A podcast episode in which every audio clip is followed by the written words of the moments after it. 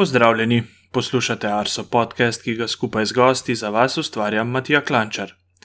Zadnja 36. epizoda je bila namenjena hidrološkemu prognostičnemu sistemu in hidrološkemu napovedovanju, ki ga izvajamo na Arso. Gosta v srednje teme sta bila Andrej Golop in Sašo Petan. Če oddaje še niste poslušali, jo med vsemi ostalimi epizodami najdete v vaši priljubljeni podcast aplikaciji na vseh pametnih napravah. Najdete nas tudi na družabnih omrežjih, na Twitterju smo MeteoSi, na Facebooku pa smo Arso Vreme. Da bodo za nas izvedeli tudi ostali, nam lahko pustite kakšen komentar na Apple Podcasts. Vse komentarje, pripombe in predloge pa sprejemamo tudi na elektronskem naslovu podcast.arso.afnago.si. Kolegi hidrologi so poskrbeli za zadnjo uganko, ki se je glasila: Katera izmed naštetih rek ima največjo povprečno vodnatost? Na voljo so bili štirje možni odgovori.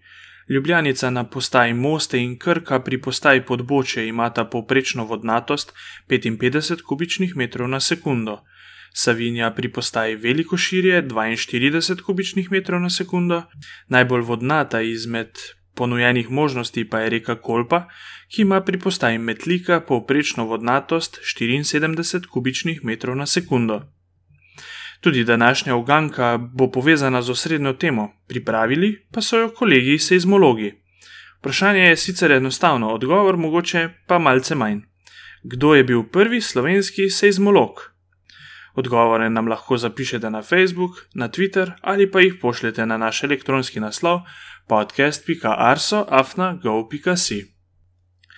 S kolegico Ino Cecič sva v preteklem letu večkrat govorila, da bi bilo dobro na našem podkastu predstaviti tudi kakšno seizmološko temo. Zelo sem vesel, da sva se sedaj uspela uskladiti in za današnjo srednjo temo sva pripravila pogovor o potresih iz preteklosti. Seveda pa ne bo manjkalo nekaj splošnih vprašanj in odgovorov glede potresov in njihovega merjenja. Verjamem, da bomo v prihodnjih temah Arso podcasta obdelali tudi kakšno izmed omenjenih tem bolj podrobno. Sedaj pa k srednji temi. Na začetku sem Ini postavil nekaj splošnih vprašanj v povezavi s potresi. Ina, zakaj se potres sploh zgodi? Tla pod našimi nogami niso tako trdna in stabilna, kot mislimo in kot bi si želeli. Zemljina skorja je v primerjavi s polmerom zemlje tenka, lahko jo primerjamo s korico, ki se naredi na vročem pudingu. Zaradi procesov vroči notranjosti zemlje je skorja razpokana na večje in manjše kose, ki jim rečemo tektonske plošče. Ti deli se počasi gibljajo en ob drugem. Če se dva kosa skorje zatakneta in se gibanje ustavi, se tam začne nabirati energija. Potres se zgodi takrat, ko se nabere dovolj energije, da se ta zatič premaga. Nakopičena energija se sunkovito sprosti v obliki valovanja, ki se iz žarišča potresa širi v vse smeri. Koliko potresov pa zaznate v Sloveniji v enem letu? V Sloveniji se letno zgodi v povprečju več kot 2000 potresov. Ljudje jih čutijo veliko manj, v zadnjih letih pa dobimo podatke o učinkih potresov za približno 100 potresov na leto. Kako pa sploh merimo potrese? Potresa ne moremo izmeriti direktno, kot naprimer dolžino, zato uporabljamo posredne načine. Iz zapisa potresa, ki ga naredijo naprave, seizmografi, odčitamo določene vrednosti. To so amplituda in perioda nekaterih faz potresa, izračunamo oddaljenost opazovalnice do žarišča in to uvrstimo v formulo za magnitudo. Magnituda je mera za energijo, ki se je sprostila v žarišču potresa nima merske enote, je le številka. Ker je formula logaritemska, pri magnitudah velja pravilo, da je denimo potres magnitude 2 približno 32 krat šipkejši od potresa magnitude 3 in približno 1000 krat šipkejši od potresa magnitude 4. Pojem magnitude je prvi upeljal ameriški seizmolog Charles Richter, prevzel ga je iz astronomije. Magnitude potrebujemo zato, da bi potrese med sabo lahko primerjali. Kako pa določamo jakost potresa neinstrumentalno? Poleg instrumentalnega načina določanja jakosti potresa imamo tudi neinstrumentalni način. Iz podatkov o učinkih potresa na ljudi, predmete, stavbe in naravo, torej iz opisov očividcev, lahko določimo stopnjo potresnih učinkov v nekem naseljenem kraju oziroma intenziteto potresa za ta kraj. To naredimo s pomočjo nekega standarda, ki mu rečemo potresna lestvica. V Sloveniji od leta 1995 uporabljamo 12-stopensko evropsko potresno lestvico. Del seizmologije, ki se ukvarja z neinstrumentalnimi podatki, imenujemo makroseizmika. Ko določimo intenziteto za vsako naselje, za katero imamo podatke, ocene narišemo na karto in iz karakteristik polja učinkov lahko določimo nekatere parametre potresa, kot so globina in makroseizmična magnituda. Kdaj so se začeli pojavljati prvi seizmografi? Seizmografi oziroma instrumenti za beleženje potresnega valovanja so se začeli pojavljati koncem devetnajstega stoletja. Toda v začetku so bili nestandardizirani in brez točnega časa. Danes imamo na razpolago bistveno bolj izpiljeno tehnologijo, ki nam omogoča, da gibanje tal na naših opazovalnicah spremljamo v realnem času. Kdaj pa so se začeli pojavljati prvi zapisi o potresih? Kar se tiče makroseizmologije, potres je odnegdaj fasciniral in strašil ljudi. V različnih državah katalogi potresov vsebujejo zapise o potresih, ki so se zgodili že pred našim štetjem, ker so takratni ljudje našli načina, da nam zapis o tem posredujejo. Z razširjanjem pismenosti se število omemb potresov povečuje. V Sloveniji je o potresih prvi nekoliko bolj sistematično pisal Valvazor, ki v slavi Vojvodine Kranjske omenja kar nekaj potresov, med ostalim tudi tistega iz leta tisoč šeststo devetinosemdeset, ki ga je sam doživel na Bogenšperku. Kdaj pa smo z zbiranjem neinstrumentalnih podatkov začeli na področju Slovenije? Organizirano zbiranje makroseizmičnih podatkov na področju Slovenije ima svoj začetek po ljubljanskem potresu, ko je leta tisoč osemsto šestindevetdeset objavljen poziv prostovoljnim opazovalcem. Od takrat do danes mreža opazovalcev deluje bolj ali manj kontinuirano in se jim tudi ob tej priliki želimo zahvaliti za dragocene podatke, ki nam jih posredujejo. Dolgo časa je veljalo, da po potresu opazovalec na dom dobi vprašalnik, natisnjen formular, ki ga izpolni glede na svoje vtise in pošlje nazaj. V zadnjem času imamo tudi možnost, da nam ljudje pošljejo spletni vprašalnik in se je število opažanj zelo zvišalo, tudi za zelo šibke potrese. Vprašalnik najdete na naši spletni strani v zavihku Potresi. Lahko ga izpolnite tudi brez predhodne registracije, čeprav nam z registracijo skrajšate čas, potreben za obdelavo izpolnjenih vprašalnikov. Tukaj bi samo še omenila, da je podatek o tem, da potresa niste čutili, enakovreden tistemu, da ste. Te podatke potrebujemo zato, da bi videli, do kam seže polje potresnih učinkov. Ko preučujete zgodovinske potrese, s kom vse seizmologi sodelujete? Zgodovinski potresi so za seizmologa poseben izziv, ker je za njihovo raziskovanje potrebno veliko dodatnih znanj. Zato pri tem sodelujemo z zgodovinarji, arheologi, geologi, geodeti, zgodovinarji umetnosti in mnogimi drugimi. Naši viri podatkov se nahajajo v knjižnicah, arhivih, muzejih, privatnih zbirkah, najdemo jih na arhitekturnih objektih in v tleh. Kako pa nadaljujete z raziskovanjem, ko se odločite za nek konkreten potres iz preteklosti? Ko se odločimo, da želimo raziskati nek potres, najprej preverimo zgodovinski okvir in iz tega ugotovimo, kakšne so bile politične meje v potresu prizadetega območja. Na podlagi tega pa vsaj približno vemo, v katerih arhivih bi se lahko nahajalo gradivo iz tega obdobja. Za potrese pred prvo svetovno vojno je pri tem delu zelo zaželena pomoč zgodovinarja. Z roko pisane dokumente v tujem jeziku in starih pisavah je težko brati in za pravilno interpretacijo tistega, kar je v dokumentu zapisano, pa res potrebujemo dodatno razlago zgodovinske stroke. Arheoseizmologi nam lahko povedo o tipičnih poškodbah ali morebitnem opuščanju uporabe kakšne zgradbe ali naselja, geologi, ki se ukvarjajo s paleoseizmologijo, lahko na prelomih vidijo in datirajo premike, povezane s potresi. Kje pridobivate podatke za preučevanje potresov?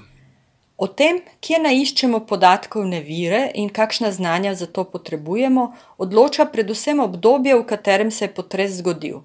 V Sloveniji imamo podatke za potrese, ki so se zgodili v zadnjih tisoč let. Tudi za obdobje pred tem je nekaj podatkov, ki so žal skopi in težje preverljivi. Kakšne podatke za preučevanje potresov pa zbirate? Zanimajo nas vsi podatkovni viri, v katerih se omenja nek potres in njegovi učinki. Večjo vrednost imajo tako imenovani primarni podatkovni viri. To so podatki, ki jih poda očividec in so nastali takoj po potresu ali v obdobju neposredno potem. Take podatke nam podajo opazovalci. V starejših časih je to lahko zapis v kakšni kroniki, dokument o škodi, davčnih olajšavah, zapisniki komisij za oceno škode, slike, fotografije, dnevniški zapisi, pisma, tudi časopise lahko uvrstimo med njih. Nekoliko manj zaupamo tako imenovanim sekundarnim podatkovnim virom. To so podatki, ki so nastali na podlagi primarnih, brez direktnega stika z dogodkom. Vir takšnih podatkov so seizmološke ali različne druge kompilacije. Za zadnji sklop vprašanj je Ina pripravila pregled najmočnejših potresov na območju današnje Slovenije. Prispevek o najmočnejšem je bil na vrsti najprej. Verjetno najmočnejši potres, ki je prizadel Slovenijo, je bil tisti 26. marca 1511 na velikonočno sredo. Njegovo žarišče je bilo nekje na Idrijskem prelomu, zato se ga drži ime Idrijski potres. Področje večjih poškodb je bilo zelo veliko, nekako od Benetk do Zagreba. Najbolj prizadeta je bila Furlanija zaradi goste poseljenosti in relativno premožnih prebivalcev. Bogatejši sloji so si lahko privoščili kamnite hiše, ki so se na potres slabo odzvale in je umrlo veliko ljudi. Bolj so reagirale elastične lesene koče, v katerih so živeli revnejši. Na slovenskem imamo o tem potresu veliko dokumentov, od katerih se dober del nanaša na monumentalne stavbe, gradove in cerkve. Takrat sta, denimo, bili v Idriji le dve zidani stavbi. Rudnik živega srebra je imel daljši spad v obratovanju. Dobro dokumentirana je situacija v Škofiloki, kjer je tudi bilo več smrtnih žrtev, o potresu pa danes pričajo kamnite spominske plošče. V Ljubljani se je podrl del mestnega obzidja, cerkve in druge stavbe, vključno s palačo deželnih stanov. Raziskave o tem potresu sta delala zgodovinarja Matevš Košir in Dragica Čeč. Glavni podatkovni viri za potres 1511 v Sloveniji so arhivski. To so pisma, zapisniki, različni dokumenti, dnevniki, celo kupoprodajna pogodba. Tukaj lahko prištejemo še spominske plošče. Ob koncu 19. stoletja je eden izmed večjih potresov prizadel Ljubljano. 14. aprila 1895 ob 23. uri in 16 minut na velikonočno nedeljo je potres prizadel Ljubljano. Umrlo je več kot 20 ljudi. Po potresu je bilo treba porušiti 11% obstoječih stavb, večino zaradi poškodb, nekatere zaradi nove urbanistične zasnove mesta. Mestne oblasti so promptno reagirale in s pomočjo države in vojske organizirale življenje za ljudi, ki so v mrzlem in deževnem vremenu ostali brez svojih domov. Nekateri so zatočišče poiskali celo v sodih za kislo zelje, ki jih je gospod Jakopič, oče slikarja Richarda, dal na razpolago. Ljubljano je po potresu obiskal tudi presvitli cesar, ki je tudi prispeval v fond za obnovo. To je bila priložnost za veliko prenovo zaspanega provincijskega kraja v sodobno evropsko mesto. Julija leta 1897 je sledil še en relativno močen potres, ki je odkril napake v prenovi in dodal dodatne ukrepe in posodobitve v načrtovanju. Glavni podatkovni viri za ljubljanski potres so fotografije, zapisniki, zapisniki o škodi, časopisi, pričevanja očividcev in drugo arhivsko gradivo. Tudi sam pa sem med tistimi, ki se najbolj spomnimo potresa iz posočja leta 1998. Mnogi se še dobro spomnimo potresa, ki je v zgodnjih popoldanskih urah na velikonočno nedeljo 12. aprila 1998 prizadel predvsem zgornje posočje. Ni bilo smrtnih žrtev, škoda je pa bila precejšnja. To območje je v 20. stoletju doživelo več rušenj. Prva in druga vojna, furlanski potresi leta 1976 in potem ta velikonočni. Takrat se je pokazalo, da marsikakšna hiša po furlanskih potresih ni bila obnovljena v smislu potresne varnosti, ker ni bilo nadzora in je marsikdo prostodušno priznal, da so denar porabili za kopalnico in fasado. Država se je odločila za drugačen pristop pri obnovi, ki tudi ni bil brez napak. Te so se pokazale julija 2004, ko je isto področje prizadel razmeroma močen potres. Glavni viri podatkov za potres iz leta 1998 so vprašalniki, terenski zapisniki, zapisniki o škodi, fotografije in osebna pričevanja. Za konec pa še potres, ki ga je aktivno preučevala Ina in je tudi soavtorica monografije, ki je bila pripravljena leta 2017 ob stoletnici potresa v Brežicah. Brežiški potres se je zgodil 29. januarja leta 1917 in je prvi slovenski potres, ki je dobil svojo monografijo, v kateri sta zgodovinska in seizmološka študija. Za zgodovinski del je zaslužen profesor Dušan Nečak. Gre za po magnitudi ne tako močen potres, ki se je zgodil zelo blizu Brežic s plitvim žariščem in so posledice bile resne. Umrli sta dve osebi, bilo je več ranjenih, na hišah so se pokazale močne poškodbe. Situacijo so dodatno otežile zelo nizke zimske temperature, kot tudi vojna in splošno pomankanje, kakor materijala za obnovo, tako tudi kvalificiranih delavcev. Tukaj vidim kar nekaj podobnosti s potresom 22. marca tega leta v Zagrebu, ki sicer prizadel veliko večje mesto, tudi pri obeh imamo plitvo žarišče v neposrednji bližini mesta, kot tudi superpozicijo kriznih situacij, potres in vojno na eni, ter epidemijo in karanteno na drugi strani, ki so jih ljudje morali reševati. Omenjeni potres pa je kot prvi potres dobil še nekaj novega. Brežiški potres je obenem tudi prvi slovenski potres, ki je dobil podrobno karto poškodb v Brežicah. Podlaga za to so originalni zapisniki o poškodbah, ki so jih na terenu izdelale KK komisije. Zapisnike hrani Arhiv Slovenije. Mladi geodet Marko Berus je identificiral objekte iz popisa in jih s pomočjo katastrske dokumentacije umestil na katastrsko karto iz tega obdobja. Tako smo prvič dobili pogled v prostorsko razpodelitev škode v delu nadžariščnega območja. Za konec pa še kratek pogled v prihodnost. Podobni zapisniki so ohranjeni tudi za ljubljanski potres in moja želja je, da bi v prihodnosti našli čas, ljudi in sredstva, da podoben projekt naredimo tudi za njih. V tem letu smo ob 125. obletnici ljubljanskega potresa načrtovali zanimiv dogodek, pa nam je načrte prekrižal virus in ga bomo izpeljali, ko se situacija normalizira. In se najlepše zahvaljujem za zanimiv pogovor in seveda verjamem, da se bova ob izidu monografije o ljubljanskem potresu znova slišala. Sedaj pa je čas za obete, ki jih je tudi tokrat za vas pripravil prognostik Blaž Šter. Lepo pozdravljeni.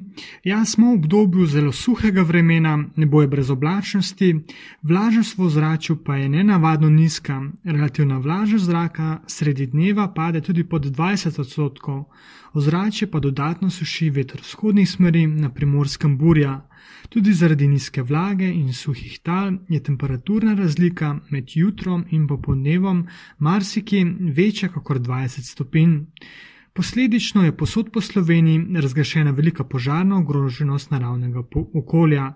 Ja, padavin že lep čas nismo imeli. Če pogledamo sinoptično situacijo nad večjim delom Evrope, je obsežno območje, območje visokega zračnega tlaka. Vremenske fronte so daleč stran od naših krajev, nad Atlantikom in Severno Evropo. Tudi danes in jutri večjih sprememb vremena še ne bo, ostalo bo jasno, predvsem v hladnejših, bolj zatišnih legah bo možna slana. V četrtek pa se bo v notranjosti segrelo nad 20 stopinj, pričakujemo nekje od 19 do 24, na Goriškem in v Vipavski dolini bo najtopleje, veter pa bo oslabel, skoraj da posem ponehal.